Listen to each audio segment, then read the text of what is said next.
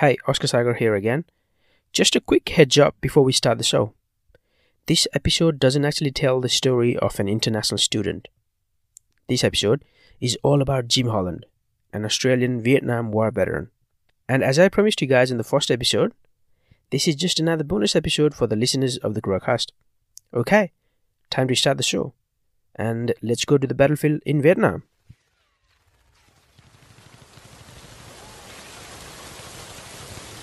And then in 68, they were firing over open sites, you know, direct fire.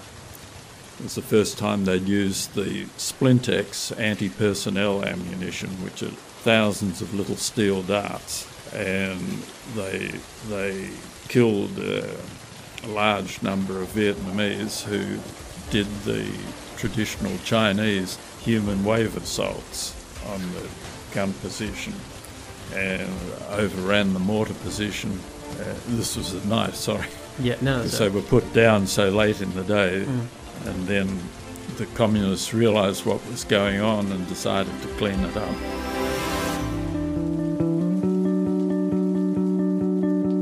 In 1962, when Australia decided to get involved in Vietnam War, conscription or compulsory military service for young men was introduced.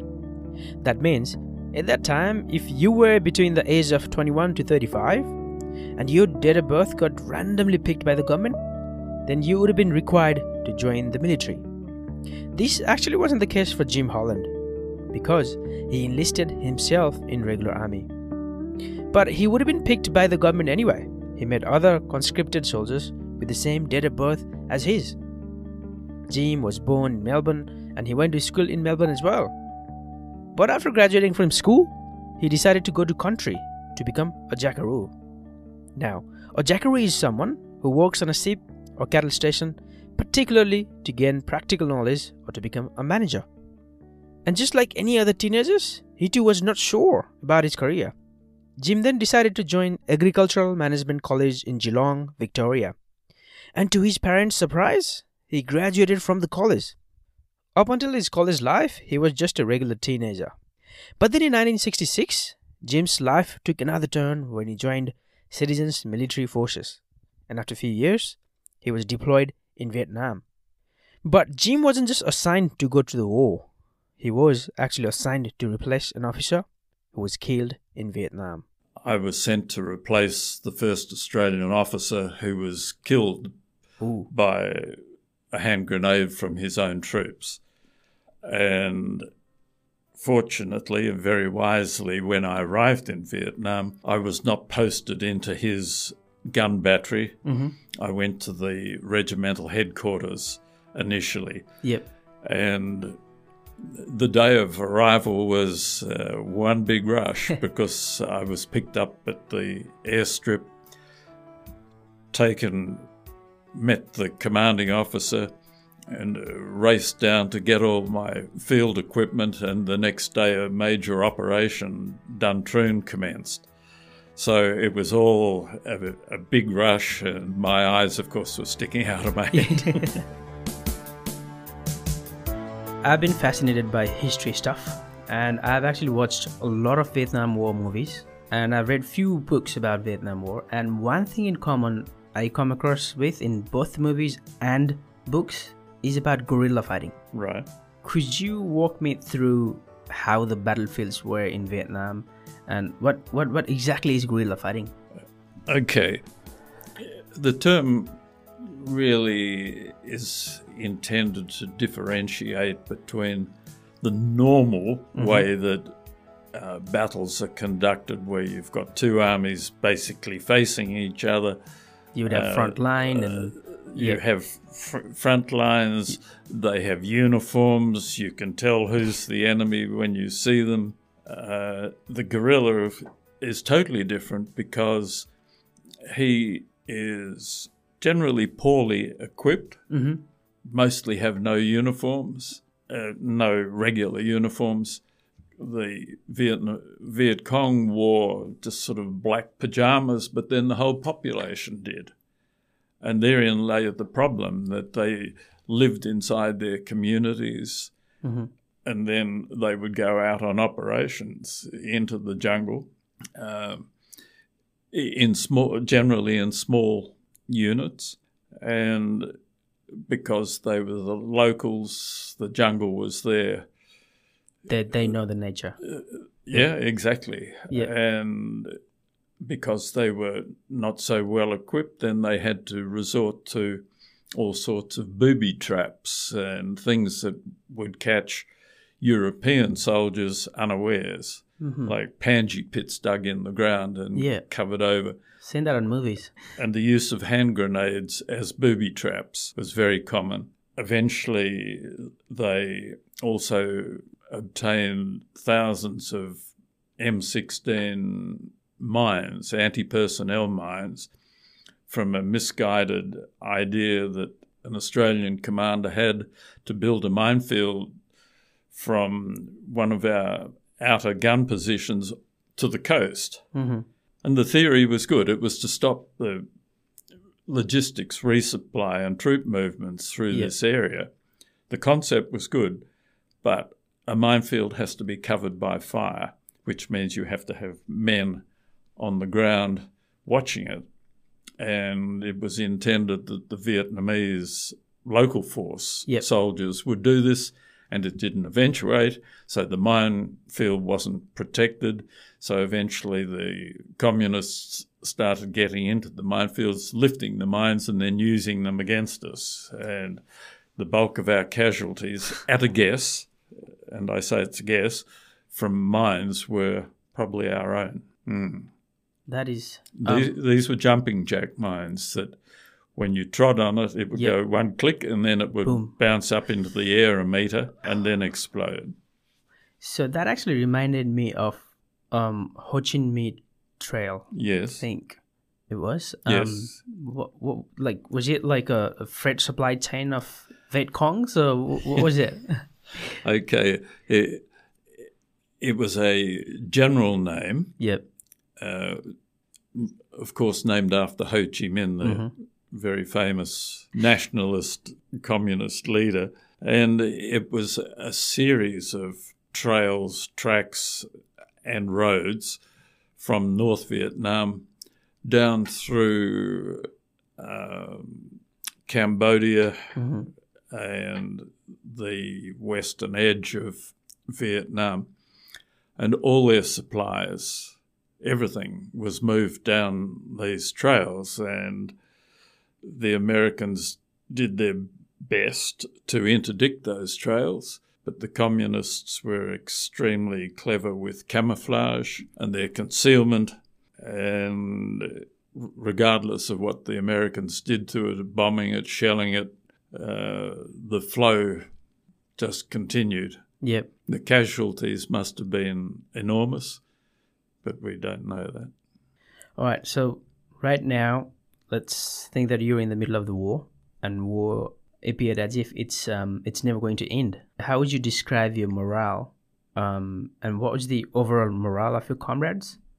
And did you like did your attitude about the war changed as it progressed? Um, no, I don't. I don't believe that the the troops' combat attitude changed. For a start, we had our own area of operations. We were not with the Americans. Uh, we didn't even have Vietnamese um, labour working in our base. Hmm. And I think we had two American gun batteries attached to us and Air Force liaison, and that, that was it. So we weren't getting the influence from the Americans that really was bringing the American forces undone. And even though our national servicemen obviously didn't want to be there, they still recognised that uh, they had a role to to support each other, and they did an exceptionally good job. They were fine. They were fine soldiers, and in a lot of respects, because of their backgrounds, they were more educated than the average Australian volunteer digger. So, you know, we had a very good combination of men, and their morale was good. I think it was very high on the day that it was announced Ho Chi Minh died. Um, of course, it would be. my personally. I admire Ho Chi Minh uh, from an historical point of view, mm-hmm. but that's very irrelevant to what we were doing at the time. So, no, the morale was generally high. Yeah, when we talk about Australia's involvement in Vietnam War, I think we also talk about 1966, um, and that's the year you joined army as well. But also, that's when the Battle of Long Tan happened. Correct. Um, and the Battle of Long Tan is probably the deadliest battle for Australians and New Zealander forces.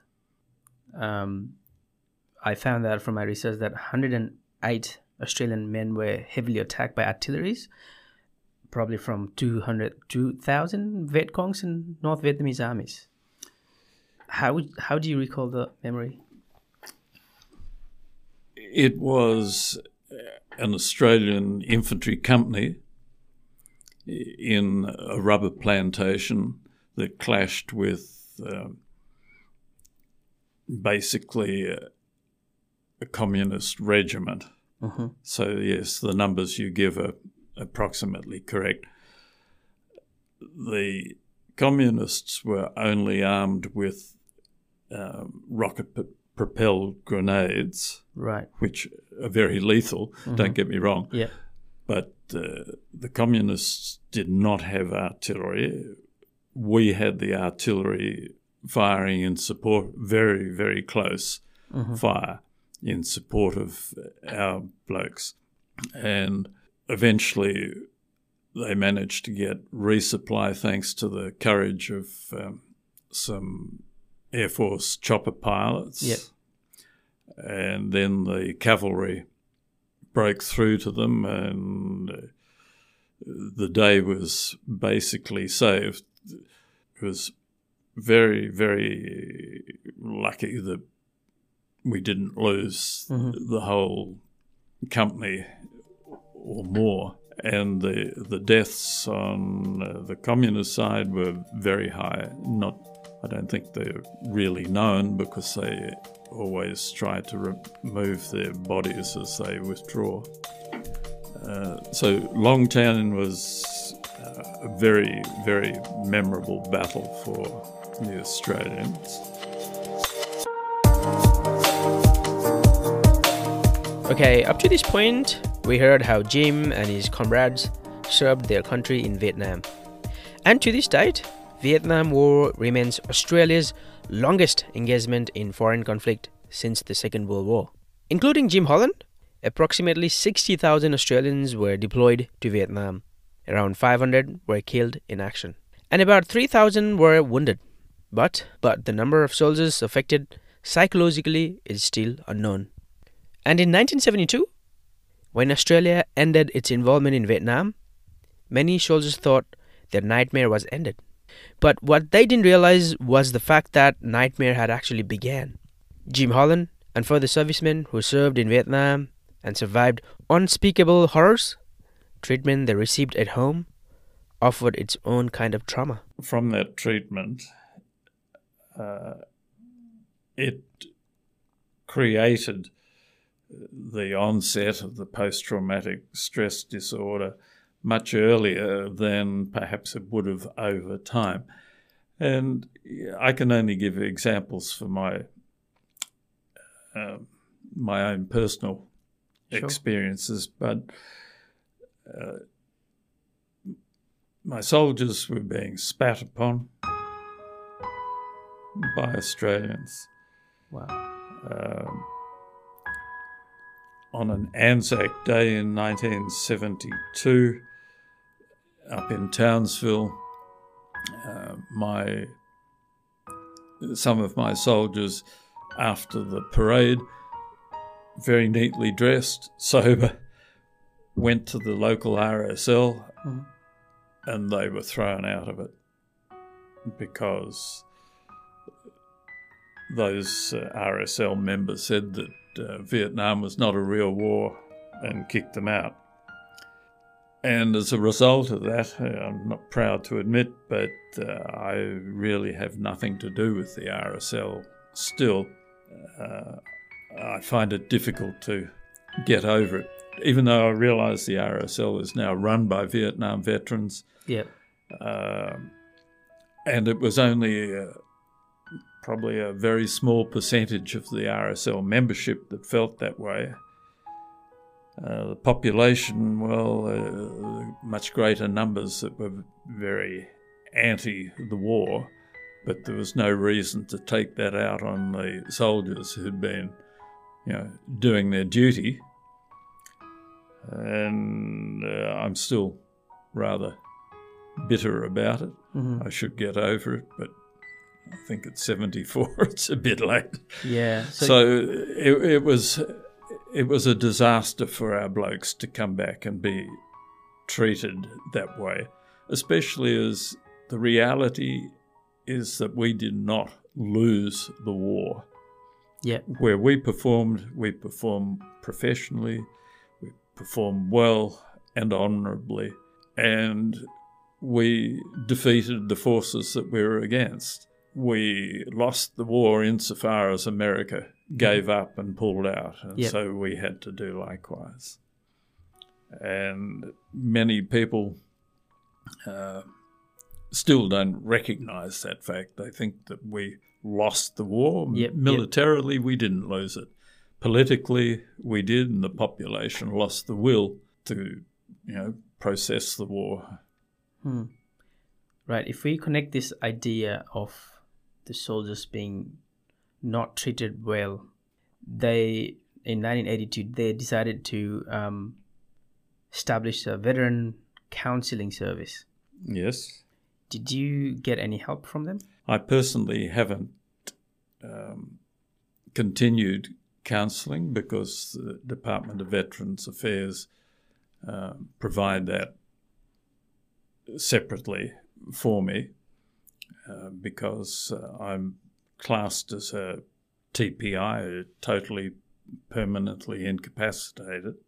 And so I'm on a, a TPI pension, uh, which is supposed to support me for the income that I would have earned if I'd continued in the workforce. And because I'm a TPI, I can't do that. And so this is to compensate. And the, the sad part of that is that um the government doesn't attach it to the CPI. So this one uh, pension, if you like, Yeah. that the government is supposed to give to our ever deserving troops has lost 40% of its value over the last 10 years, and they've made no attempt to catch it up. We can't do anything about it. Uh, the rest of society has continued to get the CPI adjustments, Yeah. and yeah, so that's that's a rather sad aspect of it. Beyond that, DVA themselves um, are good, very supportive once you're in the system. Yeah. Do you have any regrets? No, I don't. I, I think it was a great career all up. Uh, one or two times in units where it wasn't the best. Uh, my experiences in Vietnam were very interesting. Yeah. I mean, I was a professional soldier. I, uh, I wanted to. It's what I wanted, and it was uh, very developing. yeah. Yeah. Uh, the rest of my career, especially once I changed from the Corps of Artillery to intelligence, was very interesting and very rewarding job. I don't know if I certainly couldn't go back into it today because it's far too technical for me. Uh, I've missed that boat, but for me, it was a good career, Hmm. and I'm proud that I was able to do it. All right. Um, what is the most vivid memory of Vietnam War? for you? Uh, just after I started my second tour, and I was um, the province liaison officer with Civil Affairs Unit. Um, I came across a, a vehicle accident on one of the major roads, and this guy that had been hit was a Vietnamese police officer. Mm-hmm. And he sort of literally died in my arms.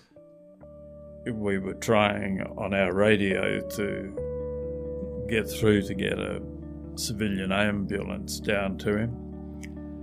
And of course, there was a big crowd around the place. And I just felt so bloody helpless Yeah. at the time. And yeah, for some reason that that had the the greatest Mhm. impact on me. Were you on your own? Just my driver with me. Right. Yeah. Um, and yeah, I I can't explain it at all. And since I've been with the a volunteer with the Country Fire Service in well in, in Victoria and in South Australia, I've you know, had to go to multiple death vehicle accidents, and um, it's never affected me the same way. Yeah. Just that one. Yeah. Wow. Okay. How did you feel when Saigon fell in 1975? Yeah, that was um, a friend of mine, Neil Davis, was the journalist who took the footage of the North Vietnamese tanks busting into the the palace, Yeah. and uh, yeah, it, was definitely a sad day for me because of all the Vietnamese that I had been associated with, and you know their chances of survival after that, with the communist takeover, were probably very slim. The younger ones would have got re-education camps, and I saw those in 1983 when I went back there for a quick trip Yeah. but uh, I would imagine most of my brother officers, Vietnamese officers, would probably not have survived. Right. Um, but you know the the North Vietnamese had the will, and the South Vietnamese didn't. They were too corrupt, and they paid the price of it. Yeah. And uh, when I went back in 83, I went to North Vietnam. I was the first intelligence officer to go back into Vietnam. Uh, it was very humbling because they, once I got the courage to sort of admit that I'd been there before, uh, there were no recriminations against uh, me against the Australians, even if they knew that there were Australians there Yeah. certainly hatred of the Americans. Um, Do you think it still is? in the older generations, definitely, definitely. But I admire, I really do admire the Vietnamese, whether they're North or South. They're they're hardworking, Mhm. decent people, and if they're now communist, well, uh, there are probably worse places to be, I suspect, in the world than Yeah. there. Hmm. So when you were in in, in army, uh, I guess you must have made new friends, and some of them probably were close. Did you lose any of your friends in Vietnam War? Uh, yes. Yes, I did. Many or Um, personally, probably only four. Mhm. Hmm. and it's it's the time when you were in Vietnam or you got back from your service. Um, One was after I came home the first time and I was at language school, and one of my classmates got blown up and shot up. Uh, then another one uh, was the second officer to wear a hand grenade from his own troops. Uh, he's actually a, was a Tasmanian, is up the east coast here. Um, the others, one occurred while I was there the second time, and oh, and one in the first. year. it's a bit bit confusing. Uh, uh, and th- that's uh, personal friends rather than, you know, just my soldiers. Not that I'm trying to say my no. soldiers aren't my friends. Many, I still have a lot of yep. good friends around the country from. And are you still my units connected with them? Yeah. Yeah. Yeah. In, indirectly. Yeah. Yeah.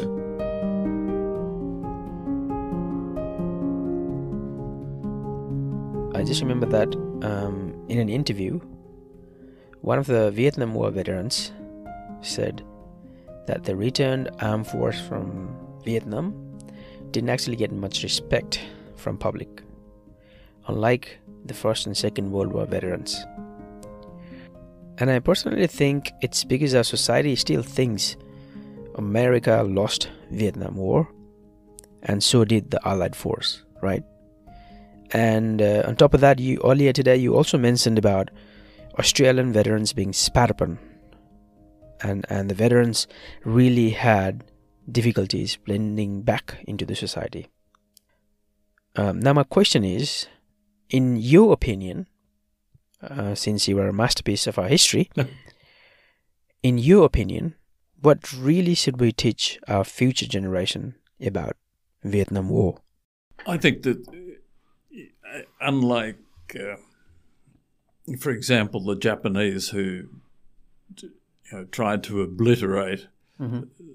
any reference to the Second World War in their school teachings, I can only emphasize the fact that for Australia, we went in support of uh, an Allied force, uh, which was uh, and still is uh, a political agreement between our countries. The troops performed well, they performed honourably, as I said, and there's no reason that we shouldn't be teaching this to today's kids.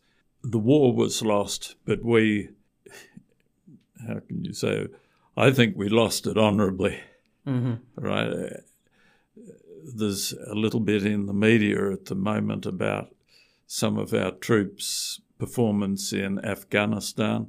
Uh, I've got no idea about the war in Afghanistan. Again, it's a totally different environment to what yeah. we were in, and we don't know the background to what was driving our troops at that time, and I, I would not judge them personally. Uh, back to Vietnam, yes, teach them that we're involved in a war. Mm-hmm and we lost it because the political will changed. And it shows you how um, a government can change its stance at the force of the people, but behind it, the reason that the opposition to the Vietnam War grew and became so effective that it, it stopped it was very, very concerted and very clever uh,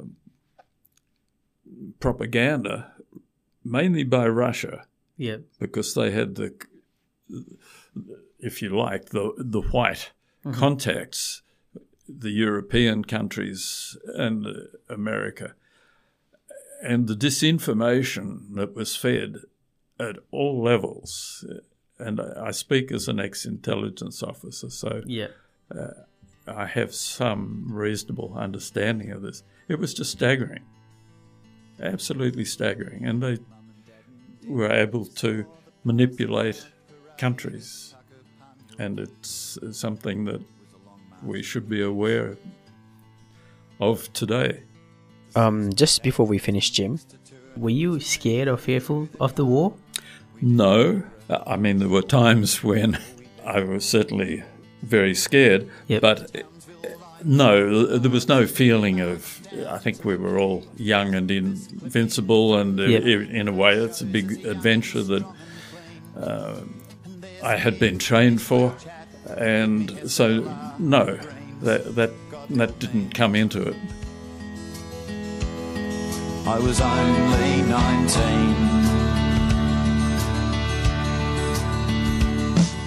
From Vung Tau riding Chinooks to the dust at Nui Dat, I'd been in and out of choppers now for months.